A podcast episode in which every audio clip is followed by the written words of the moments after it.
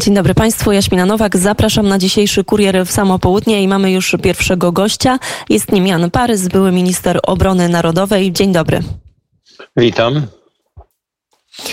Panie ministrze, w Genewie rozpoczęły się rozmowy sekretarza stanu Antonego Blinkena, a także ministra spraw zagranicznych Rosji Siergieja Ławrowa. To już można powiedzieć kolejne z całej serii takich rozmów, które odbywały się także w zeszłym tygodniu. Te poprzednie można powiedzieć, że nie przyniosły żadnego przełomu. Czy jakiegoś zmiany, przełamania tego impasu możemy spodziewać się po dzisiejszym dniu?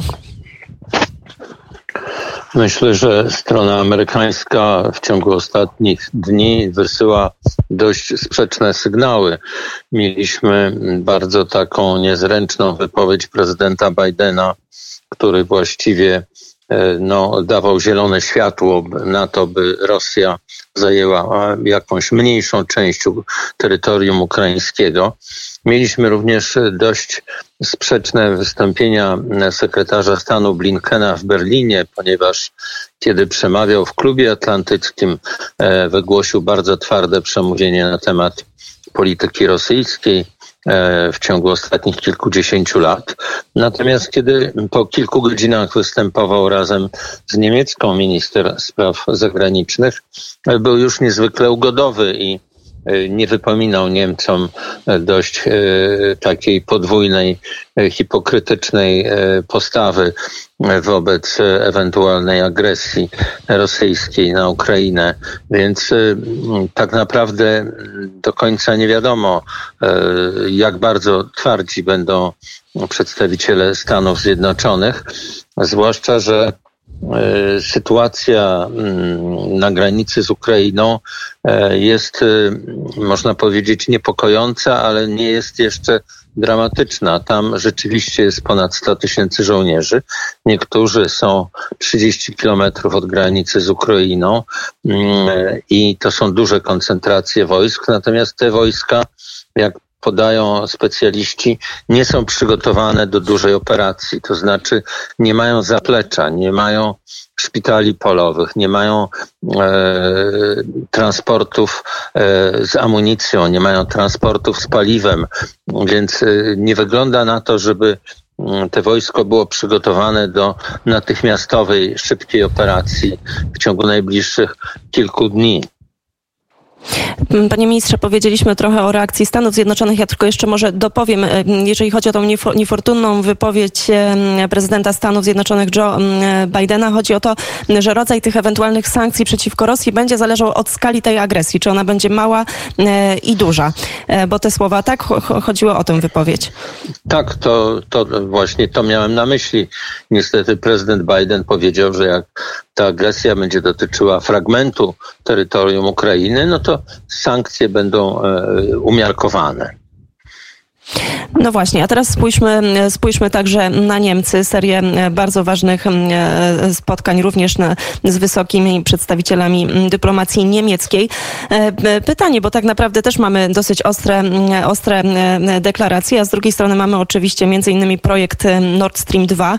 No i jak się spojrzy na tą politykę niemiecką, to co innego jest mówione, a, a co innego tak naprawdę Niemcy robią.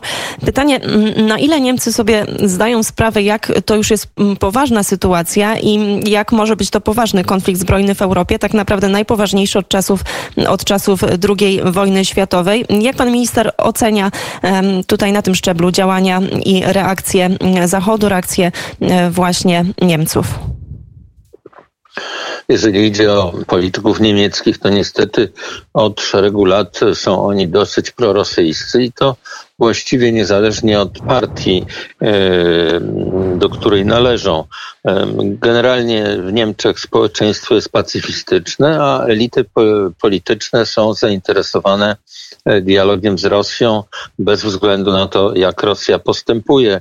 I stąd y, no, z ubolewaniem stwierdzam, że e, obie największe partie, zarówno socjaldemokraci, jak i chrześcijańscy demokraci, e, usiłują tu tłumaczyć, że e, nie wolno używać Nord Stream 2 do, jako narzędzia sankcyjnego. Wobec Rosji. Otóż tak się składa, że tylko Niemcy zbudowali taki rurociąg z Rosją i tylko Niemcy mają takie narzędzie, by mm, sankcje uczynić no, bardzo mocnymi, bardzo kosztownymi dla Rosji, więc nic dziwnego, że wiele krajów Europy oczekuje, że Niemcy te, takie, takiego narzędzia w przypadku agresji użyją. A tłumaczenie, że agresja była za mała lub że wojska rosyjskie zajęły zbyt mały kawałek terytorium Ukrainy i nie zabiły tak wielu Ukraińców, no nie jest e, po prostu poważne. No niestety są e, politycy w Europie, na przykład w Brukseli pan e, komisarz do spraw zewnętrznych Borrell, komisarz Unii Europejskiej, który e, no, w sposób dość lekkomyślny wyrażał na początku tego tygodnia opinię, iż on jest zwolennikiem porozumienia z Moskwą i zmiany obecnej architektury bezpieczeństwa w Europie. Otóż no, trzeba sobie jasno powiedzieć, że Obecne status quo polityczne było budowane 30 lat. Jest to rezultat tego, że Zachód wygrał zimną wojnę. Ten status quo gwarantuje wolność i bezpieczeństwo e, wielu krajom Europy i nie ma powodu, żeby się godzić na jakąkolwiek tutaj rewolucję, więc e, chęć pana Borela, aby przewracać status quo jest po prostu bardzo niebezpieczna i świadczy o tym, że taki człowiek na wysokim stanowisku no nie wie, nie wie co mówi. To tutaj e, powstaje pytanie, bo jak rozumiem, pan minister sugeruje, że to Niemcy tak naprawdę mają teraz taką największą, najwięcej narzędzi do tego, aby wywrzeć wpływ na Putinie, bo faktycznie ten projekt Nord Stream 2 jest jednym z kluczowych. No ale jak obserwujemy, czy to jeszcze za czasów Angeli Merkel, czy teraz już nowego rządu, nowego kanclerza Niemiec, ci politycy chyba jednak nad bezpieczeństwo Europy przekładają tak naprawdę ekonomię i swoje interesy, bo nic e, nie wskazuje na to, aby jakieś e, konkretne sankcje i aby w ogóle ten projekt mógł zostać powstrzymany. No niestety, niestety to jest prawda. E, w Republice Federalnej Niemiec panuje przekonanie, że Rosja nie zagraża ani nie Niemcom, ani w ogóle Europie i że trzeba się godzić z żądaniami rosyjskimi, e, póki one nie dotyczą bezpośrednio Niemiec.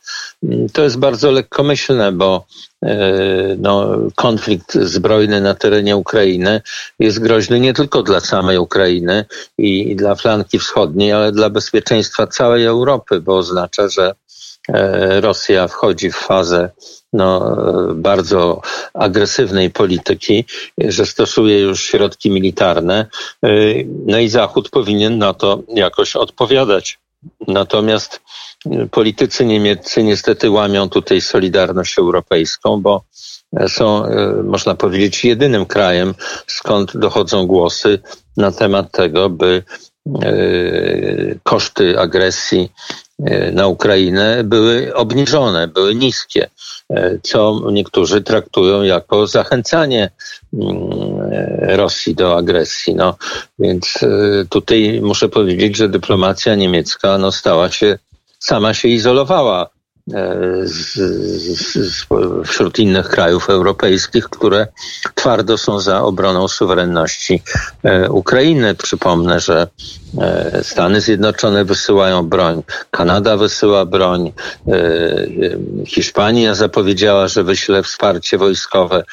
Stany Zjednoczone wysłały lotniskowiec y, na e, Morze Śródziemne, więc e, tutaj różne kraje deklarują dużą pomoc, a Niemcy wręcz przeciwnie e, deklarują, że nie pomogą i, i, nie będą karać Rosji za agresję na Ukrainę, czy też będą karać w sposób symboliczny, tak jak dotychczas. Panie ministrze, to teraz jeszcze tylko na moment y, spójrzmy mm, na y, Polskę. Jak na to wszystko mm, e, powinniśmy tak naprawdę my zareagować. Dzisiaj już drugi dzień rozmów w Wiśle, rozmów Wołodymyra Załęskiego i prezydenta Andrzeja Dudy. No właśnie, e, czego Wołodymyr Załęski może spodziewać się po tych rozmowach, no i też jakie realnie może być to wsparcie Polski dla Ukrainy, bo też przecież to nie jest wszystko takie oczy, oczywiste i proste, ale też wiemy, że no my, to, ta sytuacja geopolitycznie bardzo mocno dotyka również Polski. Jeżeli chodzi o Unię Europejską, to też jesteśmy jednym z tych na pierwszej linii frontu. No, Polska jest największym krajem flanki wschodniej i jednocześnie jest sąsiadem Ukrainy. Wszelka pomoc y, dla Ukrainy, wojskowa czy gospodarcza, no, musi przede wszystkim iść przez nasz kraj, więc tutaj życzliwość Polski wobec y, Ukrainy jest, y, myślę, no, oczywista i potrzebna i myślę, że wszyscy to rozumieją. Natomiast y, no, my mamy do obrony y, bardzo duże odcinki naszej granicy wschodniej. Mamy 400 kilometrów granicy z Białorusią, mamy 200 kilometrów granicy z obwodem kaliningradzkim i w tej chwili e, nie mając e, poważnego wsparcia e, ze strony sił natowskich, no nie możemy naszej granicy odsłonić, zostawić bez bez osłony militarnej, zwłaszcza, że to jest granica nie tylko nasza, ale granica e, Sojuszu Północnoatlantyckiego, więc nie dysponujemy się mm, takimi e, siłami wojskowymi, które moglibyśmy przerzucić na Ukrainę. E, w zupełnie innej sytuacji są kraje Europy Zachodniej, którym, które nie bronią żadnej granicy i które, e, których siły wojskowe nie są zaangażowane w żadną poważną operację e, wojenną. Więc tutaj takie kraje jak Hiszpania, Francja czy Niemcy, Włochy mogłyby bez problemu Ukrainie udzielić wsparcia wojskowego sensu stricto, już nie tylko w uzbrojeniu. Natomiast myślę, że E, na Ukrainie powoli zaczyna dojrzewać e, koncepcja, iż e, no nie można liczyć, czy Ukraina nie może liczyć na pomoc Niemiec, bo Niemcy tej pomocy Ukrainie nigdy nie udzielały i udzielać nie będą, bo zawsze będą preferować dobre relacje z Moskwą. Więc myślę, że na Ukrainie w końcu tam dojdzie do konsensusu, iż jedyni prawdziwi sojusznicy E, Ukrainy to są kraje e, flanki wschodniej, które e, no, bronią i siebie, i Ukrainy, bo najlepiej rozumieją zagrożenie rosyjskie. Natomiast jeśli idzie o samą postawę dyplomacji ukraińskiej, no to przypomnę, że kiedy pan sekretarz stanu Blinken był w Kijowie, to apelował, by ta dyplomacja ukraińska była bardziej aktywna i bardziej elastyczna, bo Oczywiście e, oczywiście państwa zachodnie nie mogą się i nie zamierzają odwrócić od Ukrainy, natomiast Ukraina sama może wykazać w tej chwili e, więcej aktywności na polu dyplomatycznym, nie powinna tylko e, domagać się wsparcia zachodniego. No, jakoś tych inicjatyw E, jeśli idzie o negocjacje e, ze strony mm, dyplomatów ukraińskich, ja nie widzę. I tutaj, panie ministrze, stawiamy trzy kropki. Bardzo dziękujemy za komentarz. Gościem radia Gościem Radia Wnet był Jan Parys, były minister obrony narodowej. Jeszcze raz dziękuję za rozmowę. Dziękuję. E, drodzy Państwo, a my już teraz przenosimy się na konferencję prasową. To jest konferencja dotycząca zmiany i nowych obostrzeń związanych z koronawirusem. Uczestniczy w niej m.in. premier Mateusz Morawiecki. Przenosimy się na konferencję.